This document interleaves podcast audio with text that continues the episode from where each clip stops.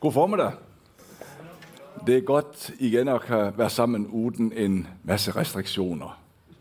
At dele liv, socialisere, høre om familiegrupper, se drama, synge sammen, læse sammen, dele troen sammen og dele Guds ord. Og det er det, vi skal gøre nu. Dele Guds ord. Hvis nogen spurgte dig om at give et billede, en illustration på din relation til Gud, hvilket billede vil du have brugt? Vil det være far og søn? Mor og datter? Vil det være fodboldtræner, fodboldspiller, arbejdsgiver, arbejdstokker, officer, menig, slave, fri? Hvilket billede vil du have brugt? I Bibelen er der mange billeder på relationen mellem Gud og mennesker. Og et af billederne, det er faktisk hyrde-søv-relationen. Og det er det, vi skal snakke lidt om i dag. Gud som en hyrde er et kendt billede i Bibelen. Og i dag er det faktisk hyrdesøndagen.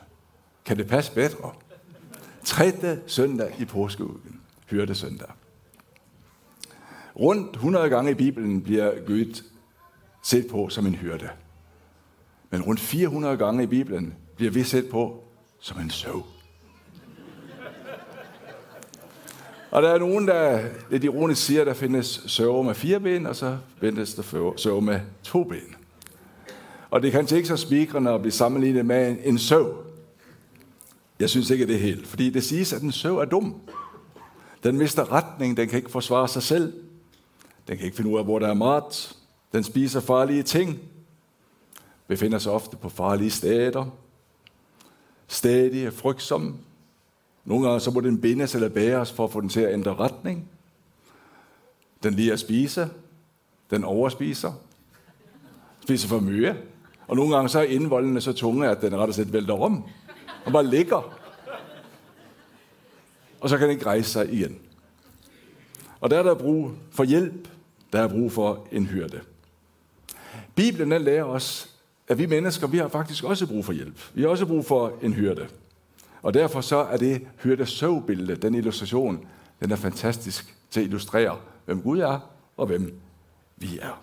Selvom vi i Vesten ikke lider, at nogen skal styre os. Vi vil bestemme selv, og vanskeligt ved at indrømme, at vi faktisk trænger hjælp. Men denne søndag er altså kaldt Hørte søndagen. Og øh, af de tre tekster, som ligger for denne søndag, der har jeg valgt salme 23, som også bliver kaldt hyrdesalmen.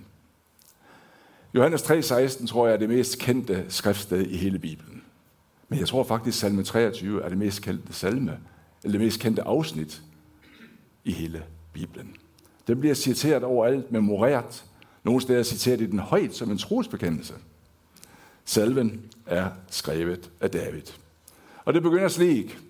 Herren er min hyrde.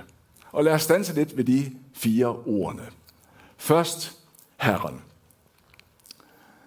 David, han har selv været hyrde. Og han ved, hvad hyrderollen indebærer. Og derfor så vælger han sin hyrde med omhu.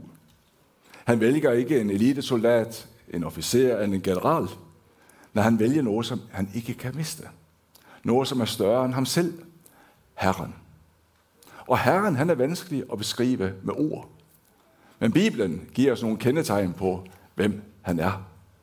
Han er universets skaber. Ikke nok med det, han er også opretholderen af universet.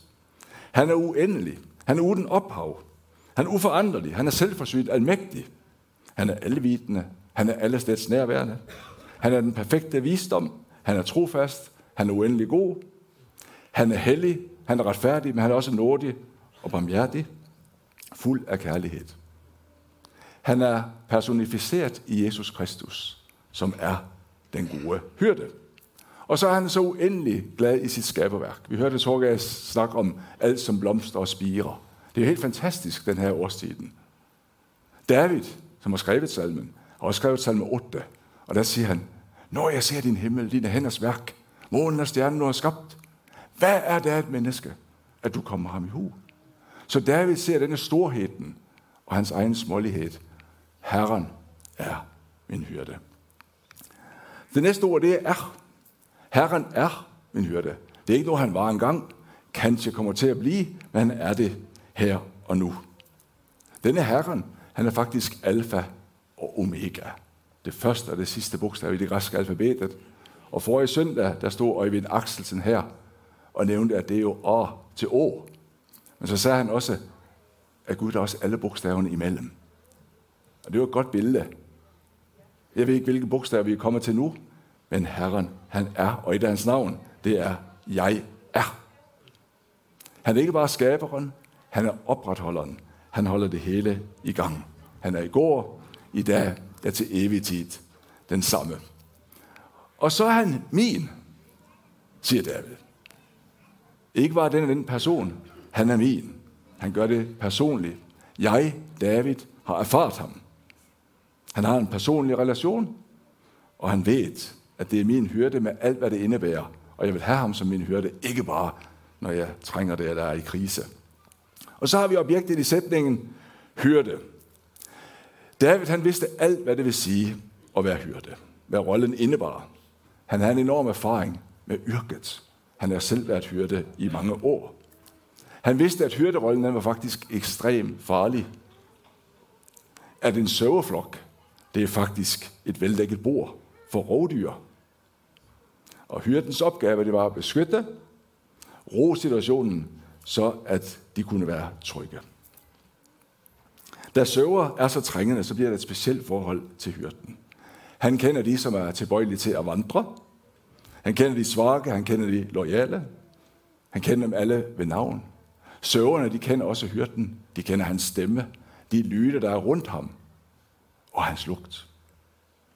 Så båndene mellem en søv og en hyrde, det bånd, der er mellem de, det findes ikke andre steder i dyreverdenen. Og David vidste af personlig erfaring, at der var et nært forhold netop mellem hyrden og søvn. Han vidste, at hyrden var involveret i alle områder i søvns liv, at den ikke har noget privatliv. Han boede sammen med søvne, og de fulgte ham villigt, hvorend han førte dem. De stolede på, at han dækkede alle deres behov. Og det er noget af det, David prøver at udtrykke i disse versene. David selv, han var konge. Han var elitesoldat. Han var leder. Han var chef.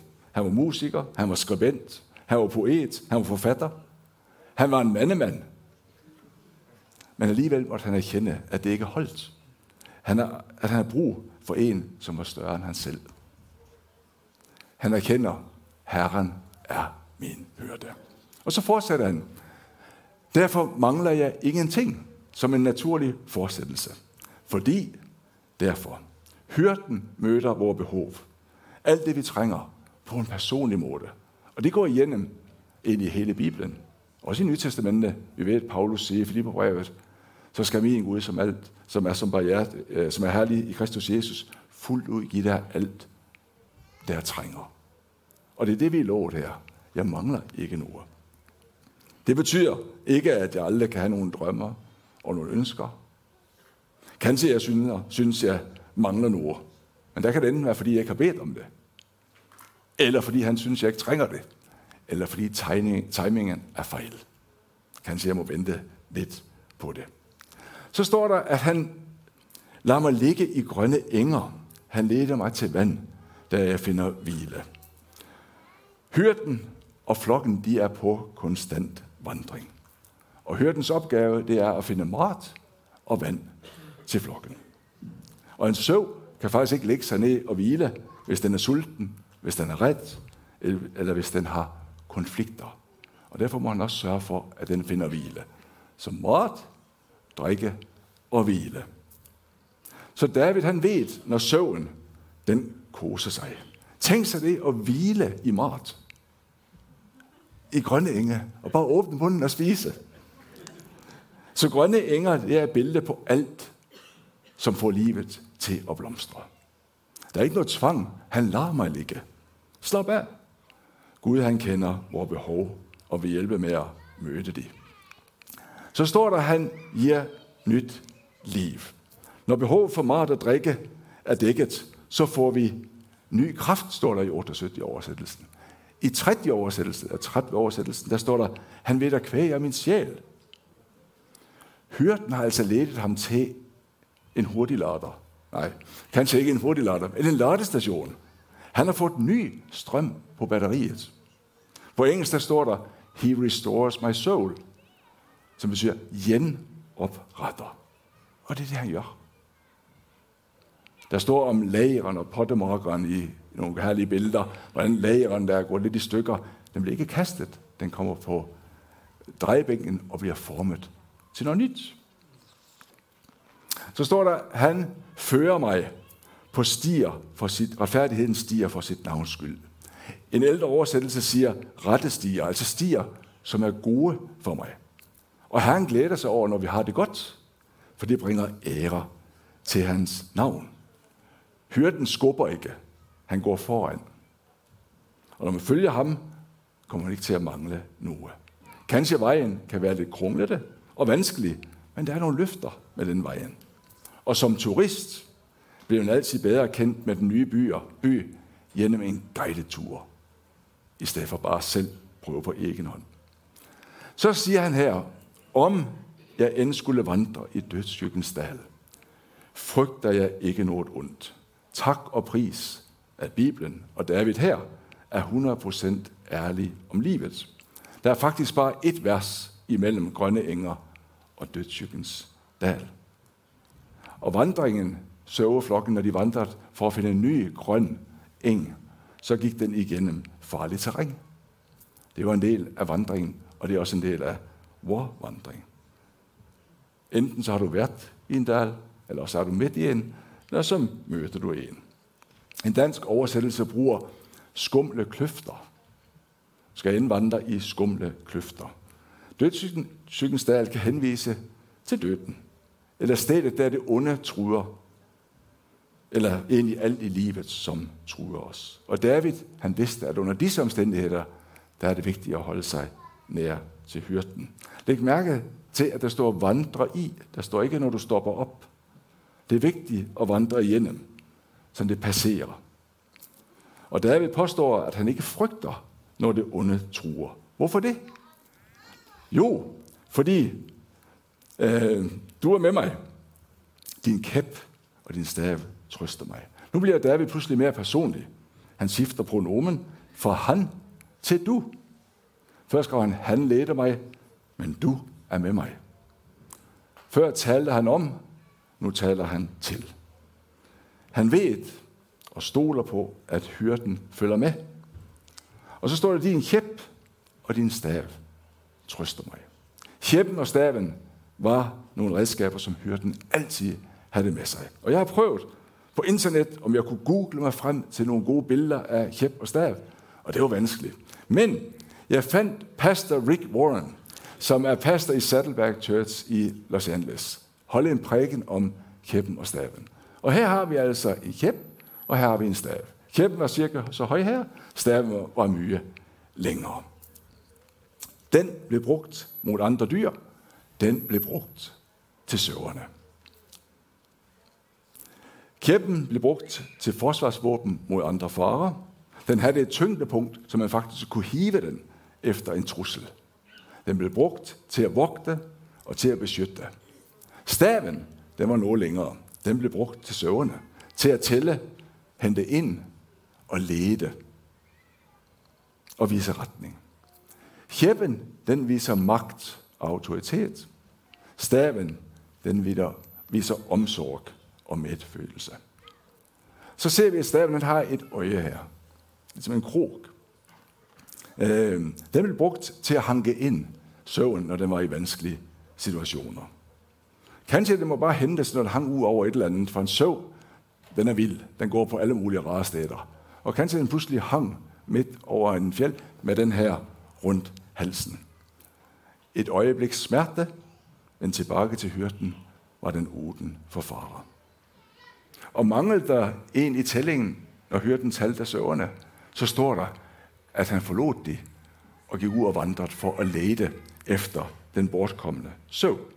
Og det er egentlig et fantastisk billede for os, som kender nogle bortkommende søver, som vi beder for, at hyrden er på leting. Og han straffer ikke, når han finder søvn. Når det står, at han fryder sig over, at søvn blev fundet. Og David, han var klar over, at han kunne komme på afveje. At han måtte retledes. Både ledes, men også retledes. Kanskje han måtte korrigere kursen lidt. Og kanskje det var et øjebliks smerte. Men så står der her, at det var til trøst. Det var til trøst for ham. Så står der her, du dækker bord for mig, lige foran mine fiender. Her skifter vi lidt fra billedet hørte søv til hvert gæst, hvis der ser det. Et lille skift. Og det David her siger, du tager mig ind under din beskyttelse. For i Midtøsten, der er det sådan, at hvis du kommer ind under en persons tak, så er den person ansvarlig for din sikkerhed. Verden han tager et enormt ansvar og ved dig, hvis der sker noget med din gæst. Det var også slik, at en aftale, som blev gjort, en pagt, den blev ofte stadfæstet med et måltid. Som bekræftelse på venskab. Og det at have mat på bordet er egentlig også et bibelsk udtryk for velsignelse fra Gud. Så David han påstår ikke, at livets udfordringer forsvinder. David kan møde maten og livet midt blandt fiender. Du beskytter, du velsigner mig midt i mine anstrengelser, jeg og stræb. Og alt, jeg trænger, det er på bordet. Så står der, du salver mit hoved med olie, mit bækker render over. Hjemme hos os er det ikke slik, at vi hælder olie ud over vores gæster. Det vil blive noget forfærdeligt søl. Men på den tid, der gjorde man det. Kanskje ikke hældte det ud over. Men gæster, de blev ofte salvet med olie, for at vise, hvor mye de betydte for verden. Og det var en fornærmelse ikke at vaske fødderne eller salve med olie til sine gæster. Og det er slik, David oplever relationen med Gud. Og der er nok af velsignelse. Ikke bare akkurat, ikke bare til kanten, men mit bækker render over. Altså, der er nok til at dele med andre. Og så slutter salmen, bare godhed og miskund skal følge mig alle mine dage, og jeg skal bo i Herrens hus gennem alle tider. Det er altså ikke snak bare om en nutidig velsignelse, men noget, som fortsætter til livet tager slut. Det er som den velsignelsen bare følger efter. Og så er der snak om et sted at bo. Og det at have et sted at bo er også et billede på beskyttelse. Et bosted, det at have et sted, det giver tryghed, det giver værn, og det giver tilhørighed. Et billede på enorm beskyttelse. Og så står der her i Herrens hus gennem alle tider. Og her tror jeg, at David tænkte på helligdommen i Gamle Testamentet. At det var det, han er i øje. Man kan gå hen og også tage det, de evige boliger, og jeg tror ikke, det er for i teksten for mye, men jeg tror, han tænkte på helligdommen som beskyttelse, men vi kan også tage til os det evige. Den bolig, som Herren har taget, gjort klar for os, når vi ikke skal være her længere. For et fantastisk vidnesfyr, for en fantastisk bekendelse, David her kommer med. Jeg har parallelt med forberedelsen til den her prædiken, har jeg øh, læst igennem Samuels bøgerne. Det handler for det meste om David. Og for en mand, mens han jobbede som hyrde, blev han salvet af profeten Samuel til at være konge. Mens der var en anden konge i landet, Saul. Saul, han var jaloux, og han jagede denne truslen. Så salme 23 er ikke bare nogle ord, men erfaringsbaseret tillid til Herren. Saul, han fandt ud, hvor David han opholdte sig, hvor han gjemte sig. Han drog afsted med specialsoldater, Navy SEAL, som du vil kalde det, dygtige krigere. Og David var omringet. Der står, at Sauls folk var på den ene side af fjellet, Davids folk mye, mye færre på den anden side af fjellet. Så pludselig så kommer der en bytbringer og visker Saul i øret. Hey, filisterne, vores fiender, de har gjort indtog i landet. Oj, der må vi opgive jagten på David. Akkurat som det skulle til at smelle. Øhm, David han var trods alt og alligevel fredløs. Jeg tror, der hang skilte rundt. Wanted, dead or alive. På et tidspunkt sendte Saul ud 3.000 soldater, specialsoldater, for at tage ham. David han havde fået et løfte, at han skulle blive konge. Det drøjte. Så han kunne have taget saken i egen hånd. Noget, som vi mennesker kanskje ofte gør. Hvis vi har fået et løfte fra Herren, enten tror vi ikke, det stemmer, eller så tager vi saken i egen hånd. Det er der faktisk også bibelske personer, der har taget sagen i egen hånd, fordi at Herren drøjte. David gjorde ikke det. Han kunne have gjort det, for han var en dygtig kriger. Han var, en speci- han var Navy Seals. Virkelig. Han klarte faktisk, da Saul forfulgte ham, at passere, snige sig forbi alle Sauls specialsoldater, hans livvagter, og stå ret ved siden af ham. Flere gange kunne han have taget livet af sin fiende Saul. Han gjorde det ikke. Han vil ikke tage saken i egen hånd. Herren må dømme ham. Og når han var i fare, så står der, David søgte styrke hos Herren sin Gud, står der. Så det er ikke bare styrke, men også ledelse. Han vidste, at han havde brug for hjælp. Så da Saul var død, og David egentlig var konge, siger han, skal jeg op til Hebron? Ja. Skal jeg det? Ja. Han spurgte til råds. Og denne tillid, den fulgte David hele livet. Ikke bare akkurat da. Der står, at han skulle overdrage stafetten til sin søn, altså på sit eget dødsleje, og give stafetten videre til Salomon. Så står der, mist ikke modet, min kære søn. Herren er med dig. Han vil aldrig slippe dig, og aldrig forlade dig. For et vidnesbyrd. Så salme 23 er altså ikke bare en teoretisk refleksion. Det er efterprøvet. Det viser erfaringsbaseret tillid. Så kan jeg spørge mig selv, hvem er hørte i mit liv? I min hverdag. Og hvem er hørte i dit liv? Vi har alle en hyrde et sted, hvor vi finder tryghed. Herren er ikke min hyrde, medmindre jeg inviterer ham til at blive det. Og hyrden i salme 23 er personificeret i Jesus Kristus. Jesus inviterer os til at tage hyrdeansvaret for vores liv, som den gode hyrde. David han vælger sin hyrde, sin sikkerhed i noget, som ikke kan tages fra ham. Ja, ja det. Mye kan tages, tages fra os. Vi kan miste jobben, opsparingen, helsen, vores rygte, vores forældre, ægtefælden, barn, venskab, hjemmet vort, landet vort. Kristenlivet handler om at skifte tyngdepunkt. Hvem er subjektet? I salmen, vi læste, der står der, han lader mig, han leder mig, han giver mig, han fører mig, din kæp, din stav. Du dækker bord, du salver. Det handler om at have ham som subjekt. Hørtens fokus er altid på os. Hans omsorg er der altid. Mit fokus på ham, min tillid til ham, den kan faktisk variere. Og denne tillid, den tror jeg ikke bare kommer over natten. Her tror jeg, der er snak om valg, tro, erfaring og vækst. Og det er min bøn, virkelig, at jeg og dære, også dære fra Ukraine, må vokse, vokse i den tilliden, hørte søv tilliden. At jeg må stole på ham, både gennem grønne enger og i dødssygens dal. At jeg i stedet for at ligge vågen om natten med bekymring, kan se hyrden stående for enden af min seng, fortælle ham, hvad det bekymrer mig, og kaste det på ham. At jeg må leve i tilliden til, at det ikke længere er jeg, som er ansvar for at dække egne behov, lykkes eller sørge for fremgang i livet. At en anden har overtaget omsorgen for mig, for min indgang og til min udgang. Og at han ved, hvad som er bedst for mig. Også når han tillader ting, jeg enten ikke liker eller helst skønner. Og at hvis han ikke fjerner faren umiddelbart, at jeg må vide, at han er der, og han giver mig kraft til at stå i den. Forskellen på en troende og en ikke-troende er ikke fraværet af skyggen, men nærværet af hyrden. Forskellen på en troende og en ikke-troende er ikke fraværet af skyggen, men nærværet af hyrden.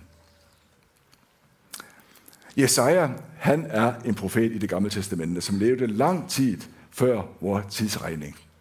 Og han skriver i Jesaja, øh, der skriver han her om søver. Der står, vi gik alle vildt som søver, hver tog sin egen vej, men skylden, som vi alle havde, lå Herren ramme ham. Det her, det er sagt lang tid før Jesus han blev født.